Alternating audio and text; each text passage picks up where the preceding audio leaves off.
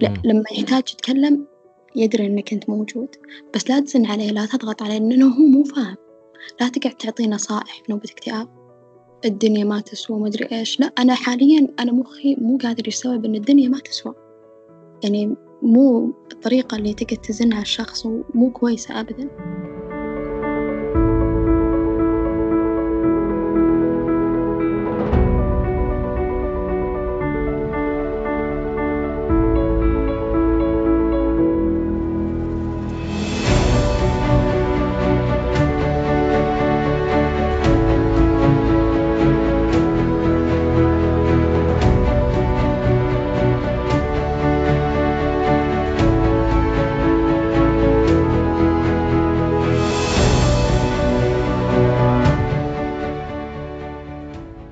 بكم يا أصدقاء. اليوم حلقتنا مع وعد العتيبي وعد هي كاتبة ومترجمة. صدر لها عدد من الكتب.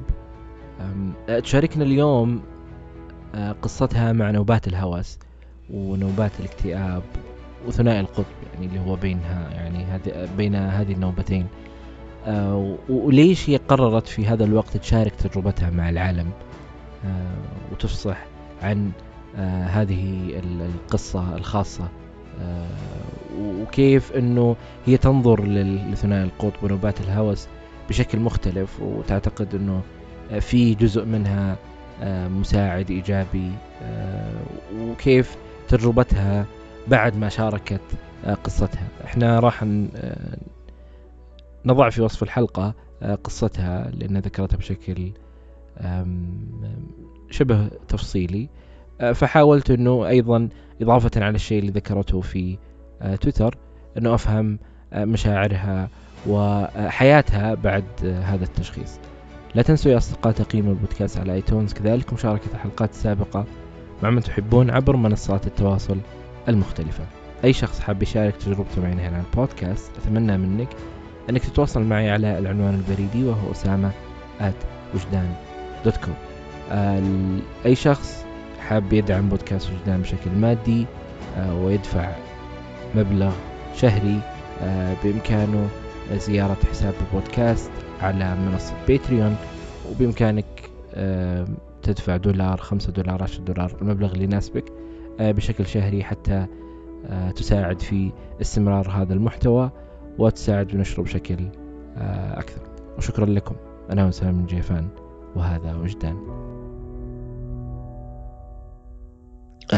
آه، التجربة هذه آه، بدت متى؟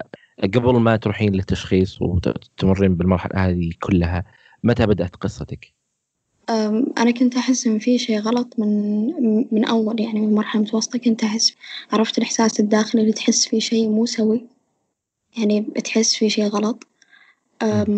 اللي خلاني أحس كذا إني كنت أواصل ثلاث أيام أربع أيام ما أنام.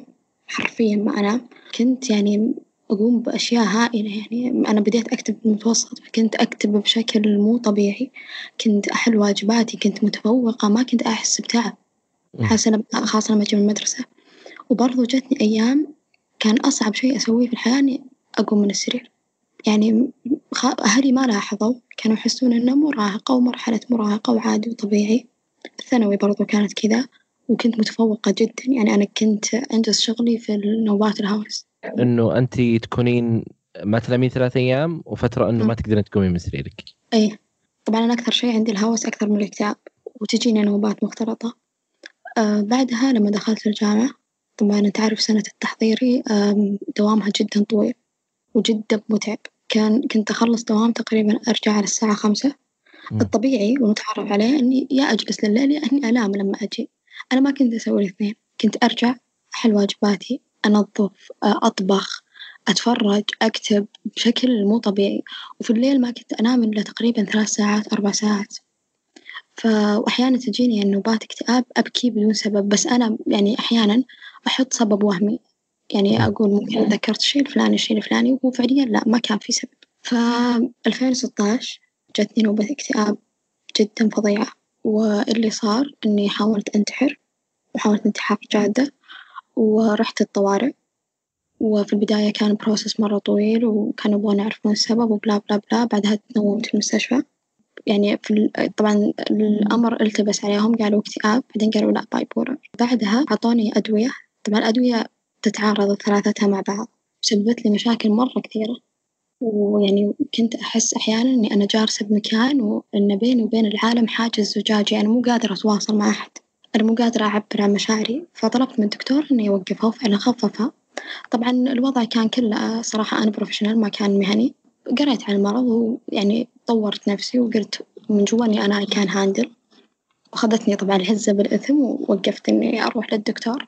يعني كنت أحيانًا أقدر أتعامل وأحيانًا لأ. هل أنتِ آآ شخصتِ أو رُحتِ لأحد أو تعالجتِ أو لأ كانت أول تجربة لِك لما رُحتِ لل للطوارئ هذاك اليوم؟ إي أنا طبعًا تعالجت بعدها لمدة ثلاث شهور يمكن بعدين وقفت ما عاد رحت. لأ بس قبلها، قبل هذه المحاولة. قبلها لا لا لا قبلها لأ أبدًا. فقبلها ما كنتِ تعرفين شيء اسمه اكتئاب أو bipolar بالنسبة لِك يعني أبدًا، أبدًا ولا كنت أدري إن هذا الاضطراب أصلًا موجود. آآ بعدها السنة هذي يناير جتني نوبة هوس جدًا فظيعة جدًا سيئة حرفيًا عزلتني عن العالم. السنة هذي؟ إي مريت بثمان ساعات متتالية أنا ما أدري إيش سويت ولا إيش كلت ولا ولا أذكر ولا شيء، قمت من النوم أنا ما أذكر شيء، كانت معي صاحبتي. فسألتها أنا إيش سويت أمس؟ قالت لي أنتِ تكلمتِ كثير، بكيتِ كثير، تقول سويت يعني تصرفات جنونية. كنتِ مو طبيعية، بعدها آآ طبعًا نوبة الهوس هذي كانت بادية من نوفمبر. كنت أشتغل نفس الشي بشكل مو طبيعي. يعني اثنا عشر ساعة دوام مع دوام الجامعة.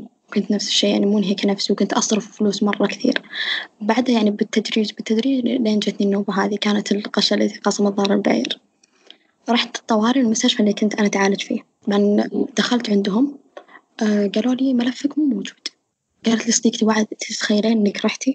قلت لأ أنا رايحة متعالجة عندهم أنا أنا أعرف، قال لي اسمك موجود إنك تم صرف لك أدوية. قلت له طيب خلاص تم صرف الأدوية معناها كيف الأدوية تنصرف لي بدون وصفة طبية؟ بعدين لما تقصوا الأمر اكتشفوا إنهم أرشيفين الملفات. طبعًا اللي دخل عليه ما كان الطبيب اللي يعالجني وكان صراحة جدًا سيء، النظام كأنه مرشد طلابي، بعدها طلعت من المستشفى أعطوني موعد ما استفدت شي، بعدها بيومين أنا كنت ناوية أروح الموعد يعني كنت ناوية أرجع أتعالج، بعدها بيومين جتني نوبة اكتئاب مباغتة. كنت في الشارع فجأة جلست على الأرض وقعدت أبكي ما قدرت أتحرك. فقامت نفسها صاحبتي أخذتني لمستشفى الأمل الطوارئ، هي طبعًا رفضت إنها تروح المستشفى السابق لأن بصراحة كان وضع فوضوي، فعلًا دخلت المستشفى الأمل في الطوارئ وقعدت معي الدكتور وما أدري إيش وأعطوني إبرة، آآ الإبرة اللي أعطوني إياها كانت أعراضها الجانبية جدًا سيئة وكان المفروض إنهم أصلًا ما يعطوني إياها، مريت بخمس أيام متتالية أنا طول الوقت نايمة، آآ لما أصحى أحس إني متشنجة وما أقدر أشوف زين أنا ما أعرف اسم الإبرة وأسناني تضج ببعضها ما أقدر أتكلم. بس إنه كان عندي موعد بعدها بأسبوع دخلت على استشارية وشرحت لها الوضع من وإلى، قلت لها أنا ما أدري صار فيني قالت أول شي الإبرة أصلًا كان المفروض إنهم ما يعطونك إياها وكانت جدًا متفهمة، وقلت لها شوفي يا دكتورة أنا ما أبغى آخذ حبوب، أنا راتيني أنا جربت حبوب وما يعني ما ما قدرت أتحملها، قالت لي بنفتح أنا وياك السيستم وبنشوف الأعراض الجانبية للحبوب وأنتِ بتختارين، أنتِ لك يعني حرية الاختيار، وفعلًا أعطتني يعني آثارها الجانبية فقط طفح جلدي وأعطتني في يعني قبل النوم، وحاليًا أنا أحاول إني أخفف منه هي أصلًا قالت لي إنه بحاول أقطعك منه، واستمريت على الجلسات بديت تقريبًا يناير فبراير مارش وطبعًا حاليًا موقفة جلسات عشان الأوضاع الحالية بس إني مستمرة على الأدوية، في البداية يعني كان شوي صعب تقبل الموضوع، بعدين قالت لي الدكتورة إنه ترى أغلب الناس المبدعين وأغلب الكتاب مثلك إنه عندهم هذا الاضطراب، فالمفروض إنك يعني تحمدين ربك وتشوفيه هبة، وفعلًا مشيت على هذا الشيء، طبعًا أنا ما أبغى أكون مثالية والإيجابيات الزايدة. أنا أتفهم إن إن الناس يمرون باضطرابات وأحيانًا خاصة يعني مريض القطب نوبات الاكتئاب يعني تبعد عنك الإيجابية تمامًا، اللي يعني حاولت أسويه إني أنا أعيش النوبة بحذافيرها بس إنه يكون عندي إيمان داخلي إني أنا في نوبة، إنها فترة وبتعدي، يعني أنا قبل ثلاث أيام جتني نوبة اكتئاب استمرت يومين وقررت إني أنا أوقف كل شي وأجلس على السرير وأبكي، بس أنا عارفة إنها نوبة وبتعدي، يعني حاولت أتصالح مع نفسي وأتصالح مع هذا الشيء. ال ال قبل هذه التجربة آه أنتِ ما كان عندِك أي معرفة بموضوع ثنائي القطب أو الاكتئاب أو أي أي شيء من هذا القبيل. ابدا. آه قبل ما تروحين للعيادة الزيارة هذه الأولى اللي هي كانت في الطوارئ إيش الأشياء اللي انت كنتي تمرين فيها وكانت بالنسبة لك غير مفهومة؟ أو أقلها الآن صارت بالنسبة لك غير مفهومة. الأعراض اللي كانت متكررة بشكل كبير سواء كانت نوبات هوس أو نوبات اكتئاب.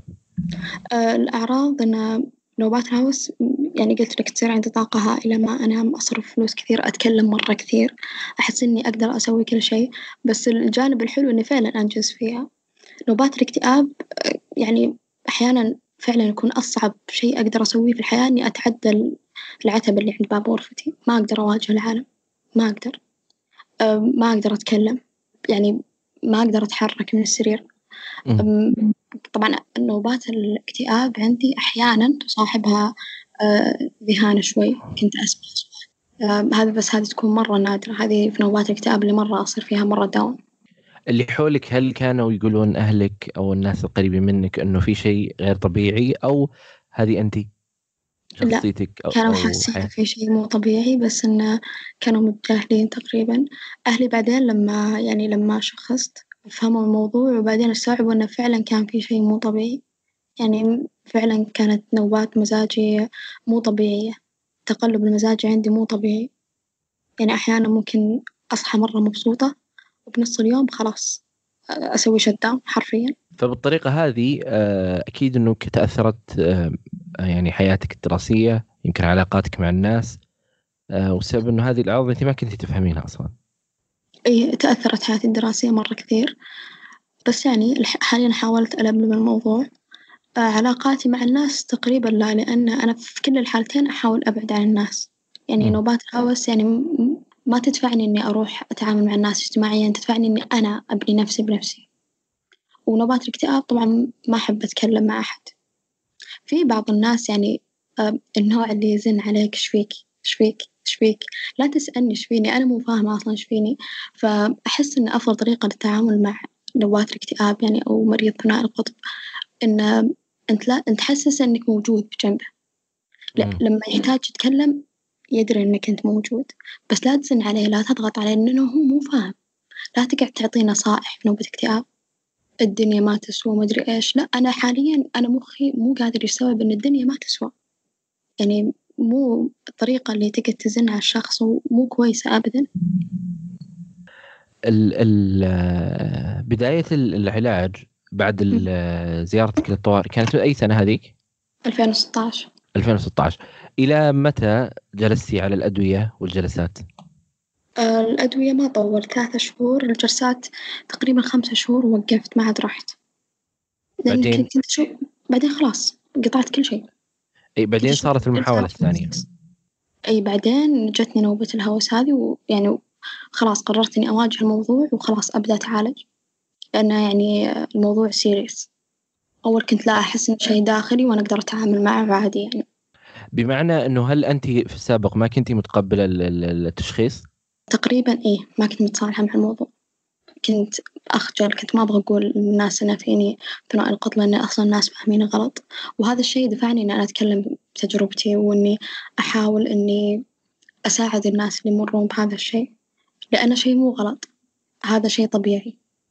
قبل ال ال ال يمكن أحيانا يعني في بعض الأحداث قد ما أنت ما قد ما تحضرك لكن لو كان أحد من الناس اللي حولك ذكروا لك أو شيء ال ال لما تكونين أنت في نوبة الهوس أو لما تكونين في نوبة الاكتئاب آه، إيش أكثر الأشياء اللي تلاح اللي هم يلاحظونها عليك ويفرقون إنه فعلا هذه هي نوبة الهوس وهذه هي نوبة الاكتئاب؟ آه طبعا هم لاحظوا إن أنا عندي نوبة هوس من نوفمبر. أنا ما كنت ملاحظة على نفسي. آه نوبات الهوس عندي تبين لما ما أنام. ما أنام شيء ما أنام وأصرف فلوس مرة كثير بشكل يعني غير منطقي أو أي. غير معقول. نوبات الاكتئاب يعني أنا غالبا يعني في حياتي بشكل عام إني أحول كل شيء إلى دعابة. أحب أضحك. حتى لو مريت بحزن أحب أحول النكتة بس إن الاكتئاب أوصل مرحلة ما أبغى أتكلم. ما أقدر أتكلم. أقعد أبكي طول الوقت. فما ما حد فاهم إن أنا ليش قاعدة أبكي. ويقعدون يقولوا لي عشان كذا عشان كذا عشان كذا. لا الموضوع ما في سبب. كم كان عمرك في 2016 الحين أنا عمري 24 تقريبا 21 إيه. متى بدأتي الموضوع الكتابة. هل كانت قبل ولا بعد أصلا لا لا قبل قبل قبل من 13 سنة. يعني كان عمري 13 سنة وأنا أكتب. آه، فتجي أو أوقات أنه أنت تكونين في هذه النوبة وتبدين تنجزين أشياء آه، كثيرة بسبب النوبة اللي أنت مريتي فيها. إيه. أشياء كثيرة جدا يعني أشياء الناس يستغربون إني أنا سويتها. يعني مثلا بقول لك شيء هذا شيء. حصري. أنا كان عندي نوبة هوس قبل أسبوع أو أسبوعين تقريبا. من تسجيل هذه الحلقة. إيه إيه. صدق بالله إني كتبت كتاب كامل خلال 34 ساعة حرفيا كتاب كامل. ولما عرضت على الناشر قال لي وعد الكتاب مو طبيعي فظيع جدا. وأنا أصنفه من أفضل ما كتبت ومن أجل ما كتبت. رب ضارة نافعة تعرفين آه، مسلسل هوملاند هوملاند لا. هوملاند آه، ال ال آه، أحد الشخصيات الرئيسية في المسلسل هي محققة. آه، وشخصيتها في ال- في الفيلم في المسلسل أنها تتعايش مع ثنائي القطب. فكثير من يعني إنجازاتها وحلها مم. القضايا و بسبب النوبات اللي كانت تمر فيها. إي لدرجة إنها وصلت لأحد الأيام إنها آه، في قضية لازم تحل فاضطرت إنها تترك. الأدوية حتى تأتيها النوبة. وبس يعني آه، خبرت إنه رئيسها في العمل وأعتقد كان صديقها أو زوجها أو لا إنه انتبهوا لي إذا وصلت لهذه المرحلة خلاص خذوني لل آه، للطبيب. اي هذا آه. اقوله دائما لما تجي نوبة هوس أنا أدري انها نوبة هوس فأقول مع أهلي إذا قعدت يومين ما نمت انتبهوا لي. يا تعطوني حبوب يا توكلوني إياها غصب عني أو ودوني طبيب لأني ببدأ أسوي أشياء مو مج- مجنونة. بس قبل أسبوعين أو أسبوع أنا كنت عارفة إني أنا بس كنت ماخذة ادويتي عارفة إني أنا أب... أنا أبغى أعيش هالنوبة وأبغى أكتب. بعدين بعد 34 ساعة خلاص قررت إني أنام وسكرت الكتاب. لما صحيت قريته قاعدة أقول أنا شلون كتبت هذا كله؟ يعني أنا شلون سويت هذا كله؟ ففي جانب بالرغم إنه يعني بالرغم إنه تشخيص. لا أحد يتمنى هذا التشخيص لكن يوجد هذا الجانب اللي على الأقل آه يعني رب ضارة نافعة آه واحيانا يعني يفكر تفكر شخص إنه قد يكون هذا الابتلاء هو جزء مني ويغيرني ويساعدني طبعا. آه في حياتي. فيكون السؤال إنه كيف سأكون بدون هذا بدون هذه التجربة كيف سأكون؟ ما أدري ممكن إيه. ما راح أكون طبعا شخصية عادية بس ممكن نصف اللي سويته ما ما أكون سويته يعني أنا يعني عارفة إن نوبات الهوس خلتني أسوي أشياء كثيرة يعني أثبتت لي أنا- يعني أنت تعرف نوبات الهوس بالذات لما تجيك تحس إنك ملك العالم تقدر تسوي أي شيء وهذا أفضل شيء فيها تعطيك قوة وطاقة والعقل يا الله يصير يشتغل بشكل مجنون. فممكن هذا أفضل شيء فيها. ففعلا لو يعني لو ما كنت bipolar أتوقع إنه ما سويت نصف اللي أنا سويته. ما قدرت أنجز نصف اللي أنا أنجزته. كيف وصلتي للمرحلة اللي كان فيها نوعا ما تصالح مع التشخيص؟ قعدت مع نفسي وقعدت أفكر كثير ويعني وعرفت إنه serious condition. يعني هذا شيء يعني هذا شيء فيني جزء مني. ففي البداية يعني أنا من جوا ما كنت متقبلة الموضوع. بعدين فكرت يعني قلت يعني يعني أنا ما فيني شيء غلط. هذا جزء مني. ليش أنا أنكره؟ أنا لازم أتقبله. لأنه موجود فينا طوال الحياة. اضطراب موجود معي طوال الحياة سواء أنكرته أو إني تقبلته. فيعني قررت إنه خلاص يعني I have to face it. وهذا ترى الشيء اللي خلاني أتكلم عن تجربتي في تويتر. يوم العالم الثاني وأنا قررت إني أتكلم بكل صراحة لأن في ناس يعني تعاني من هالشيء وساكتة ما تتكلم. تحس إنه غلط إني أروح طبيب نفسي غلط إني آخذ حبوب. مثلي أنا أنا كنت أحس إن الحبوب كان عندي مفهوم خاطئ. بس بعدين اكتشفت إن أنا الحبوب اللي أخذتها أصلا الوصفة الطبية كانت خاطئة كانت ما تناسبني. إي بمعنى إنه كانت المشكلة ليست فيك ولكن في آه، الخيار. العلاج اللي اعطى أي. من أول تشخيص اللي كان في 2016 حتى السنة هذه هل بداتي تلاحظين تغيرات بالنسبة لك تغيرات في حياتك بمعنى إنه في السابق ما كنت تعرفين شيء ابدا عن هذا الشيء فمع العلاج أي. ومع. ال- المعرفة زاد شوي عندك فصار هل تحكمك كان أفضل مم. طريقة تعايشك مع الموضوع صارت أفضل بدأتي تعرفين العلامات أنا متى سأدخل في هذه النوبة ومتى بطلع منها؟ أو الناس اللي حولك على الأقل بدأوا يعرفون هذا الشيء. 2016 كنت أنا أحس إني أنا أقدر. يعني كان أخذتني العز بالإثم وأنا أقدر أتعامل أنا أقدر أعرف متى بتجي النوبة. بس فعليا أنا ما كنت أقدر. أنا يعني ما أحيانا ما أحس بنفسي. فالآن لا فعليا أنا ما أقول إني أقدر مية في المية أو إني أنا يعني البطلة اللي تحارب ال- الاضطراب لا. بس أنا صار عندي وعي داخلي. يعني عرفت المرحلة اللي أنا أدري الآن أنا أمر في نوبة. وعرفت إن الموضوع يعني المفترض إني أنا ما أستند على أدوية مية في المية. بمعنى أنا أستمر على أدويتي بس ما يعني ما يكون عندي اعتقاد إن هي اللي بتخليني أحسن. الأدوية مجرد يعني يد تطبطب على كتفك وأنت من جوا تختار إنك تقوم أو تجلس. هي زي العكاز اللي زي تأخذه. بالضبط أي. هذا العكاز أو إنك تخليه يساعدك عشان تمشي. إي يعني في في آه، طبعا يختلف من من آه، من حالة لحالة. ما هو آه، الموضوع ما ما يقدر ما تقدر تعممه على كل الناس. لكن بشكل أو بآخر هذه الأداة اللي هي الأدوية في. حالات لا هو لابد إنه يأخذها بشكل مستمر ولا يستطيع التخلي عنها. وسبب. يرجع لحالته الخاصة. في أشخاص لا يأخذونها كورس معين ويتركونها وطبعا اضطراب من اضطراب يختلف ليست كلها واحدة. مساعدة بالنسبة لك. ما هي صح. آه، ما هي الحل السحري؟ خلاص أنت بتاكلها وكل شيء بيتغير. أي ما تغير شيء. بس غالبا ترى ثنائي القطب يفترض إنك تستمر على مثبتات المزاج إي طبعا. غالبا.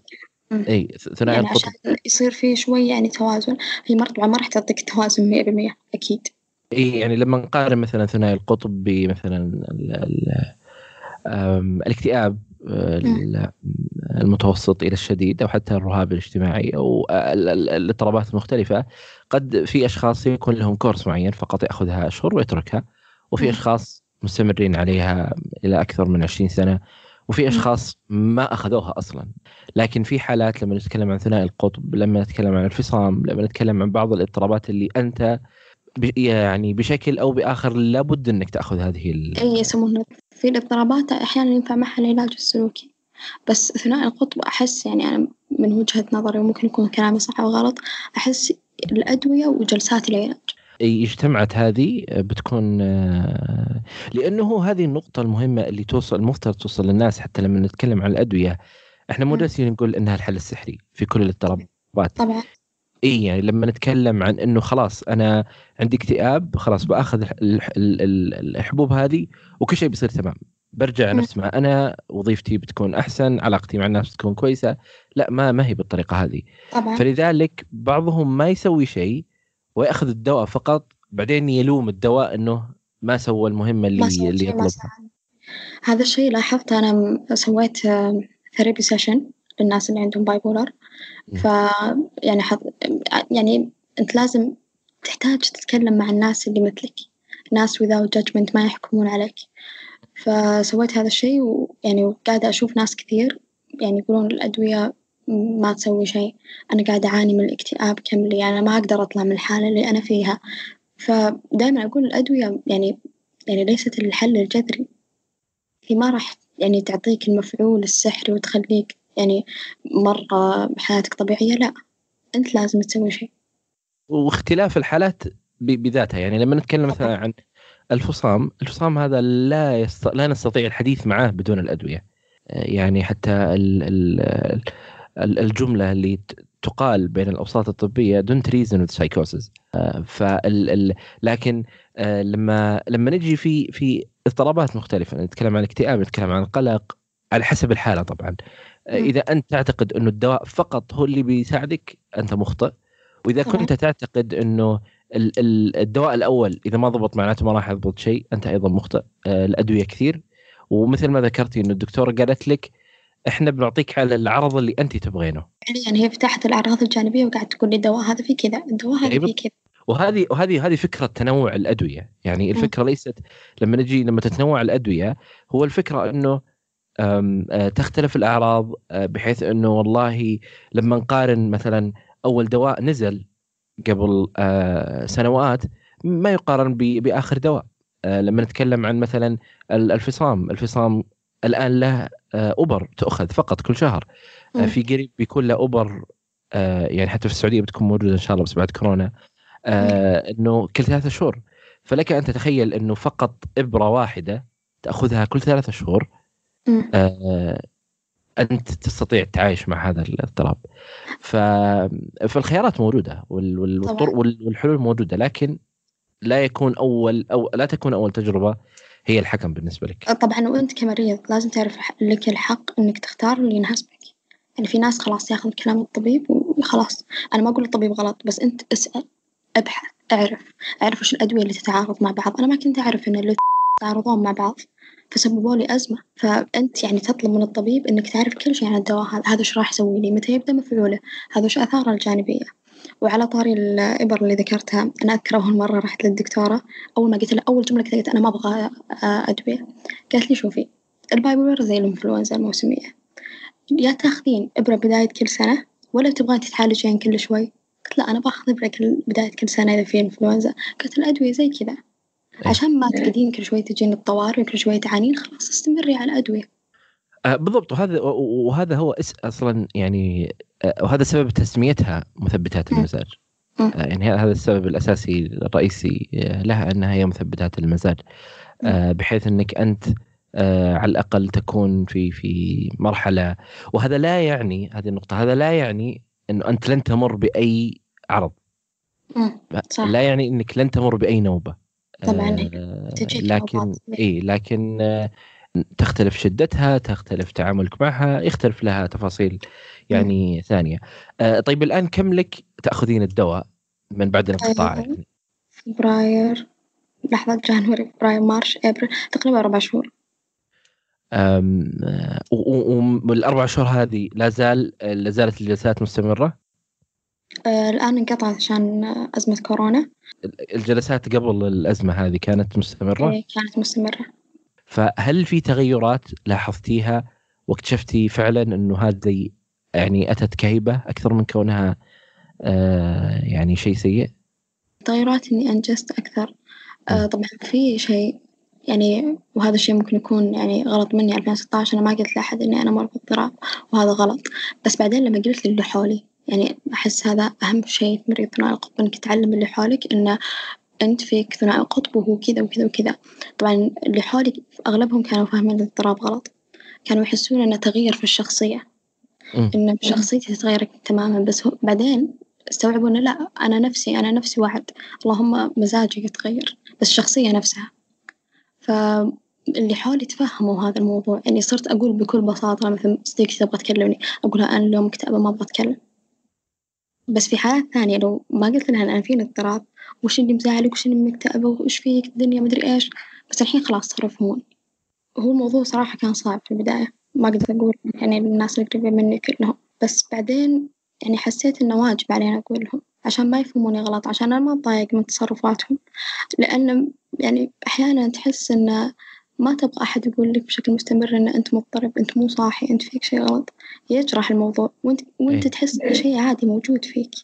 فعشان ما أسمع هذا الكلام يعني خاصة كان يتكرر علي إن طاقتك مو طبيعية أنت إيش تتعاطين؟ هذا أكثر. شيء كان يتكرر علي.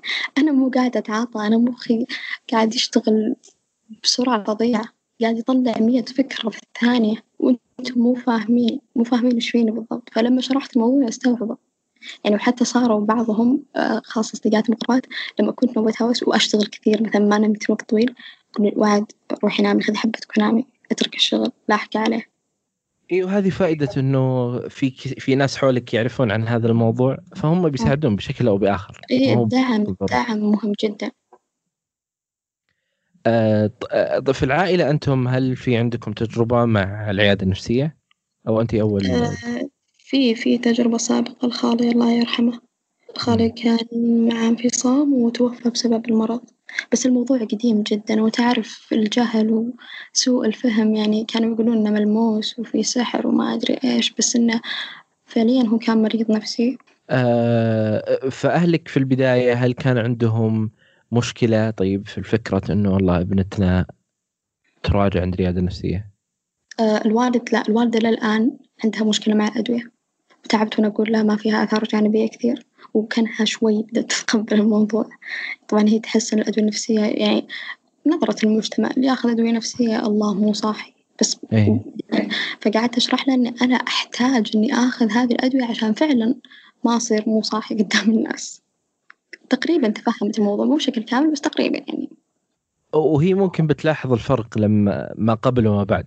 إيه يعني ما هي قبل تقريبا الأدوية تلاحظ الأدوية هي تقريبا قاعدة تلاحظ الفرق وبدأت تلاحظ النوبات يعني مم. ماما الآن بدأت تلاحظ النوبات يعني لما فهمت يعني قلت لك جت نوبة اكتئاب قريب قبل ثلاث أيام لما صحيت وأنا قاعدة أبكي فقالت لي أنتي مكتئبة؟ قلت لها إيه وقفت ما عاد تسألني ولا قالت لي الأشياء المعتادة اللي اسمعي قرآن أنا ما أقول إن الروحان- الروحانيات خاطئة بس أنت لما يقعد أحد يزن فوق راسك يعني ما تبغى الأشياء هذه. أنت تبغى تعيش. تبغى تعيش اللي جواك باللي قاعد يوجهك.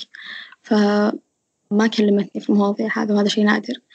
فتقريبا بدأت تفهم الوضع بدأت تتفهم اي هو كبداية وهذه نقطة مهمة إنه كبداية أنا ما ألوم الأهل إنهم آه، ما ألوم الأم لما تخاف و- ويعني ت- ما تبغى بنتها لس ليست ملامة على هذا الموضوع. آه، وإحنا أيضا لما نجي نتكلم عند أبائنا وأمهاتنا ويعني أقاربنا لابد نتفهم إنه ممكن هم ما يفهمون وهم غير ملامين ما هو بالضرورة إنه كل المجتمع يكون عنده هذا الوعي. طبعا ولا هو- في أفكار مترسخة فيهم ما تقدر تغيرها خلاص. إي يعني ما أنا ما ألومه أنا ولا ولا أضحك عليه ولا أستغرب منه فكرته. لا لأنه أنا مهمتي الآن بحكم إني مريت بهذه التجربة إني أنا أحاول أوعيهم أستو... أتفهم كلامهم أستوعب خوفهم. راح يجي الوقت اللي هم بيستوعبون بطبيعة الحال. آه،. هم ما يبغون إلا مصلحتي قبل كل شيء. ما ما. ما يهمهم إلا إنه أنا أكون في أفضل حال. طيب إيش الأشياء اللي كانت ساعدتك بشكل كبير من ناحية تصرفات صديقاتك؟ فكانوا يسوون لك أشياء تساعد بشكل كبير لما تمرين بالنوبة لما تكونين بتدخلين فيها وبتطلعين منها. كان في سؤال تردد صديقتي نورة دائما لما أقولها أنا مكتئبة تقول ليش تحسين فيه؟ فأقولها أنا أحس إني أنا خلاص يوزلس وما أبغى أسوي شيء وأحس ما مني فايدة. ما تقعد تنصحني ما تقولي لا أنتي منجزة ومدري إيش. هذا الشيء قلت لك الطبيب اللي رحت له في الطوارئ لما قلت لك كأنه مرشد طلابي كان يقول لي. كان عندي يعني خوف كبير في نوبات الاكتئاب يجيني إني أنا أكون مثل خالة أنا ما أبغى أصير مثله أنا ما أبغى أصير نسخة مكررة فكنت أردد هذا الشيء كثير. كان يقول لي لا أنت غير وأنت ناجحة. أنا مو محتاجة أسمع منك هالكلام الآن. أنا محتاجة إنك تسمعني بدون تعليقات. فكانت دائما تقول لي أنت إيش حاسة فيه طب إيش تبغين نسوي؟ تبغاني أخليك؟ تبغين تتكلمين؟ فأعطيها رغباتي صريحة. لها اجلسي معي ولا تتكلمين خليك موجودة. فأحيانا فعلا تجلس وما تسوي ولا شيء بس يعني حتى ما تطبطب علي وأنا تخليني أبكي براحتي تخليني أتكلم براحتي. طيب إيش رأيك تنامين؟ ما تبغي تنامين؟ بكيفك. فهذا بالذات يعني أحس أحسن شيء يعني تسويه مع مريض البايبولر تقول له وش مزاجك؟ وش قاعد تحس فيه؟ وخله هو يتكلم. لا تعطي لا تعطي نصائح لا توجه. يعني لا تقول إن الحياة حلوة وما أدري إيش. هو يعني خاصة من نوبات الكتاب هو قاعد يستوعب الأشياء هذه. هو يعني في مرحلة هو ليش قاعد يسوي كذا؟ لأنه مو مو قادر يستوعب. أه برضو نوبات الهوس يعني لا كانوا شوي يحاولون يهدوني. ما يحسوني في شيء غلط. مثلا أنا تصرفت فلوس كثيرة وعاد خلاص لا تشترين عندك زي هذا. حتى لو كان الغرض مو عندي ما له داعي تشترينه ما منه فايدة. كانوا دائما يقولون كذا. لما. كنت أشتغل كثير خلاص ريحي. خلاص أنجزتي خلاص خلاص ريحي. نسحب منك اللابتوب خلاص ريحي. وفعلا يعني يعني ما كانوا بالعكس أحسن شيء فيهم إنكم ما كانوا يحسوني إنه في شيء غلط. بس أنا من جوا كنت أنا عارفة إن في شيء غلط وإذا حسيت إني خلاص يعني أنا آه قبل ما يجيني الانفصال عن الواقع في نوبة الهوس اللي جتني حسيت بصداع مو طبيعي. فأذكر قلت ميت نورة أنا معي صداع وأحس إن في شيء بيصير. ما أدري وشو بس في شيء في شيء غلط. راسي قاعد يعورني مرة كثير. فإذا حسيت إن في شيء بيصير أقول لهم ترى أنا حاسة إن في شيء بيصير. فأفضل شيء يعني كانوا يسوونه إنه خاصة نوبات الهوس يعطوني حبتي بدون ما يضغطون علي واحد لازم تنامين خلاص أنا أفهم إنه لازم أهدأ. طيب ال ال طب هل انت بداتي تبحثين عن مصادر؟ آه يعني انت أول شيء انت مترجمة آه مم. فبطبيعة الحال اللغة الإنجليزية ما عندك مشكلة فيها. لكن آه، هل بحثتي عن مصادر عربية؟ آه، يعني صراحة أكثر شيء كنت أشوف آه، documentary بالأد... يعني بال English. خاصة في وفي أدباء. أنا اللي نترجم من الإنجليزي العربي فكنت مهتمة بالأدباء اللي عندهم bipolar زي سيلفيا بلاث فيرجينيا وولف. كنت يعني أقرأ في حياتهم مرة كثير. ويعني كنت يعني خاصة سيلفيا بلاث ومذكراتها كتبت أشياء كثير عن نوباتها. حتى كان في رسائل ترسلها لزوجها قبل ما تتزوجه كانت العاطفة عندها مرة عالية. وأحيانا في رسائل ترسلها خلاص تقول أنا ما بخوض أي علاقة معك. لما يجيها نوبات اكتئاب أنا ما أنفع لك أنا مو كويسة كفاية. ف يعني يعني فهمت الموضوع. فهمت. إيه. وخصوصا الناس اللي تتابعني أو تقرأ لي لما يقرون النصوص اللي بين يوم وآخر لما يكون معي نوبات بيفهمون إن في شي غلط. يعني بيفهمون إنه في تقلب في تقلب كبير. يعني أنا ممكن أقرأ أنا أكتب لك نص الدنيا حلوة ومدري إيش. اليوم الثاني أكتب لك نص إن أنا ما أقدر أكمل إن في شي غلط. حتى ترجماتي. أيام أترجم إنه لازم تثق بنفسك ولازم لازم اليوم الثاني لأ أترجم أشياء كثيرة عن الاكتئاب. هل قرار مشاركتك هذه التجربة لما بديتي لما شاركتي التجربة في تويتر هل حسيتي إنه ندمتي على هذا القرار؟ لا ما ندمت. أنا أصلا بقول لك إيش خلاني أشارك هذه التجربة. فحسيت إنه لا في فعلا فعلا ناس قاعدة تعاني من هالشيء. ناس تحتاج المساعدة ناس تحتاج ناس تفهمها. فقررت إني أنا أتكلم فيه بكل صراحة مو عشاني أنا أبغى أشارك هالشي فقط وإن يشوفوني أنا قاعدة أحارب الاضطراب لا. أنا يعني لما تكلمت عن تجربتي جتني رسائل هائلة إن وعد أنا شو أسوي؟ أنا أحس إني فعلا مضطربة. أنا ما أقول لهم إن كلامهم صح أقول لهم روحوا الدكتور. أنا ما أنا ما أشخص. أنا ما أشخص. بس في ناس يجوني يقولون لي أختي ثنائي القطب جتها نوبة ومدري وشو فكيف أتعامل معها؟ هنا أنا ممكن أقدر أفيدك. بس تجيني تقول شخصيني أنا ما أقدر أشخصك. أنا دائما كانت كلمتي روح للطبيب. ولما سويت ال therapy session كان الهدف الأول والأخير تتكلم بأريحية مع الناس اللي مثلك تسألهم عن الأدوية اللي يأخذونها تتكلم عن تجربتك تقول لهم مزاجي هذا الأسبوع ما كان كويس. بس أنا أحس كذا كذا كذا لأنهم راح يتفهمون without judgment. زي مجموعات الدعم. أي هي هو مجموعة دعم لما في مجموعة دعم فعلية. يعني ما في شيء موجود فعلي. وأنا أتمنى صراحة إني أقدر أسوي شيء فعلي يعني غير ال social media. أتمنى إن أسوي therapy session حقيقية. في شيء في مجموعة الدعم؟ آه، كان في مجموعة ناس يعني يتكلمون إن أنا ما أخذ أدوية ومرتاحة على هذا الشيء. طبعا أنا ما أقدر أحكم عليه. وكانوا يجوني ناس في الخاص يقولوا الوعد قولي لي إن الأدوية مهمة قولي لي مدري وشو. قلت أنا ما سويت المجموعة هذه يعني لإني أأمر الناس أو أوعيهم. أنا قاعدة أخليهم يتكلمون براحتهم. ممكن هو لما يشوف تجربة غيره يستفيد منها. يعني إحنا مو جالسين نوعي بعض ونقول له سوي كذا سوي كذا. لا كل واحد يتكلم براحته. كل واحد إحنا نفيد ونستفيد بدون ما نحكم على بعض بدون ما نأمر بعض بشيء. بالضبط. والفكرة أنه آه آه يعني كثير من الناس لما يسمع تجربة لما يقرأ تجربة لما يشهد تجربة قطعا تأثيرها ما راح يكون مثل لما إنه يسمع الكلام من الطبيب أو يقرأ كلام علمي آه، غير إنه هذا الشخص مر بهذه التجربة وهذا هو أمامي آه، سواء إنه لا زال يعاني أو تعافى أو تشافى أو تخلص أو تعايش آه، يبقى إنه هذا هذا الاختلاف اللي جالس يصير في الفكرة إنه في شخص مر بهذه التجربة ممكن يفيدني ممكن أنا أستفيد منه ممكن أنا آخذ رأيه. آه ووجود مساحة آمنة أيضا مهم لمشاركة الأفكار ويعني الملاحظات وكل كل هذه الأشياء مهمة أنها تتشارك في بيئة آمنة صحية بدون أي أحكام مسبقة. بالضبط. فهذا اللي أنا سويته أن أنا تكلمت عن تجربتي عشان يعني أنا ما قاعدة أقول إني أنا مثالية وإني أنا تخلصت منه وإن لا أنا قاعدة أتعالج أنا زي زيكم. أنا قاعدة أعاني منه من أيام عدة. أنا أحيانا ما أقدر أتحمل نفسي بس إني قاعدة أحاول أتعايش. ف يعني شاركت عشان الناس اللي تعاني من هالشي مثلي تيجي تكلمني اللي تحس إن في شي غلط يعني ممكن محتاجين بس كلمة واحدة. روح روح للطبيب يكشف عليك.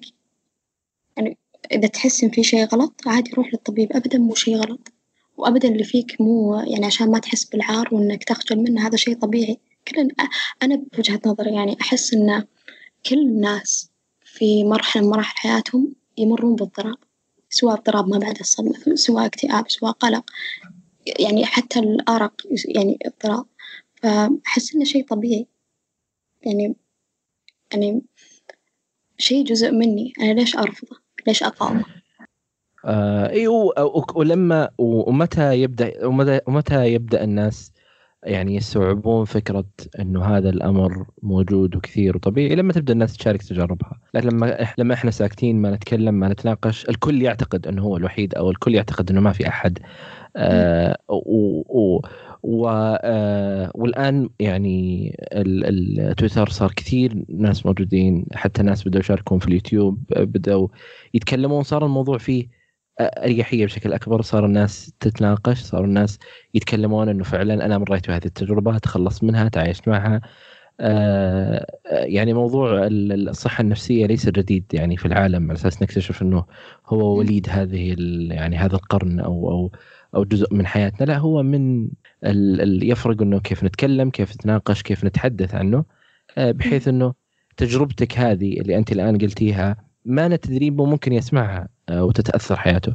ما ندري مو ممكن آه، يعني يكتشف إنه فعلا أنا لست آه، وحيدا. أنا أمر بتجربة سيئة لكن هناك من يمر بتجربة نفس التجربة. فمشاركة التجربة بحد ذاتها أمر عظيم وتغير وتفيد كثير من الأشخاص. وأكثر شيء يتخوفون يعني من الناس عشان ما يشاركون تجاربهم وما يعترفون فيهم شيء نظرة المجتمع. يحسون أن صح. المجتمع إيش بيشوفني يعني بيأثر على حياتي. لا المجتمع يعني عاجلا أو آجلا مصيره يفهم. وإذا ما فهم يعني مثلا أنا جاني واحد قال أنا أنا فيني انفصام. أنا ما أدري وش انفصام. ما ما أعرف وش يعني مو أقل شيء ممكن أسويه إني أدخل في جوجل أقرأ عنه.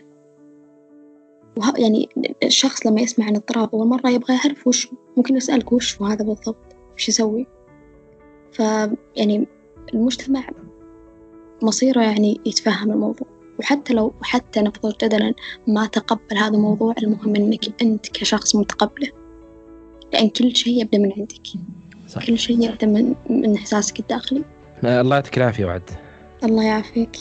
آه، أشكر لك وقتك وأشكر لك مبادرتك آه، ورغبتك في مشاركة هذه التجربة. في شيء حابة تقولينه قبل ما اخلص أنا بس حابه أقول إن للناس اللي قاعدة تعاني فعلا لا تحسون انكم أنتم لحالكم. الناس اللي حاسين في شيء لا تتجاهلون الأمر لأن تبعاته سيئة جدا إذا تجاهلتوه وبس يعطيك العافية. الله يعطيك العافية. شكرا لك. آه، طرق التواصل لاحظها في وصف الحلقة. إذا في آه، أي شيء تبغين تضيفينه عنوانك البريدي حتى كتبك مدونة إذا كان عندك أي شيء تبغين نضيفه في في وصف هذه الحلقة برسل لك عبر الإيميل حسابي بتويتر وإيميلي. وممكن مدونتي أبد اللي تبغين ما عندنا مشكلة. الله يعطيك ألف عافية. شكرا. شكرا لك وعدي حياك شكرا لكم يا أصدقائي لسماعكم لهذه الحلقة. لا تنسوا تقييم البودكاست على آيتونز. نشر الحلقات عبر منصات التواصل المختلفة يساعدنا كثيرا. أي شخص حاب يشارك تجربته معنا هنا البودكاست أتمنى منك تتواصل معي على البريد الإلكتروني وهو أسامة at وجدان دوت كو وتجدون طرق التواصل في وصف هذه الحلقة. أي شيء ذكرناه في هذه الحلقة تجدونه في وصف هذه الحلقة. آه وشكرا لكم. أنا أسامة بن جيفان وكنتم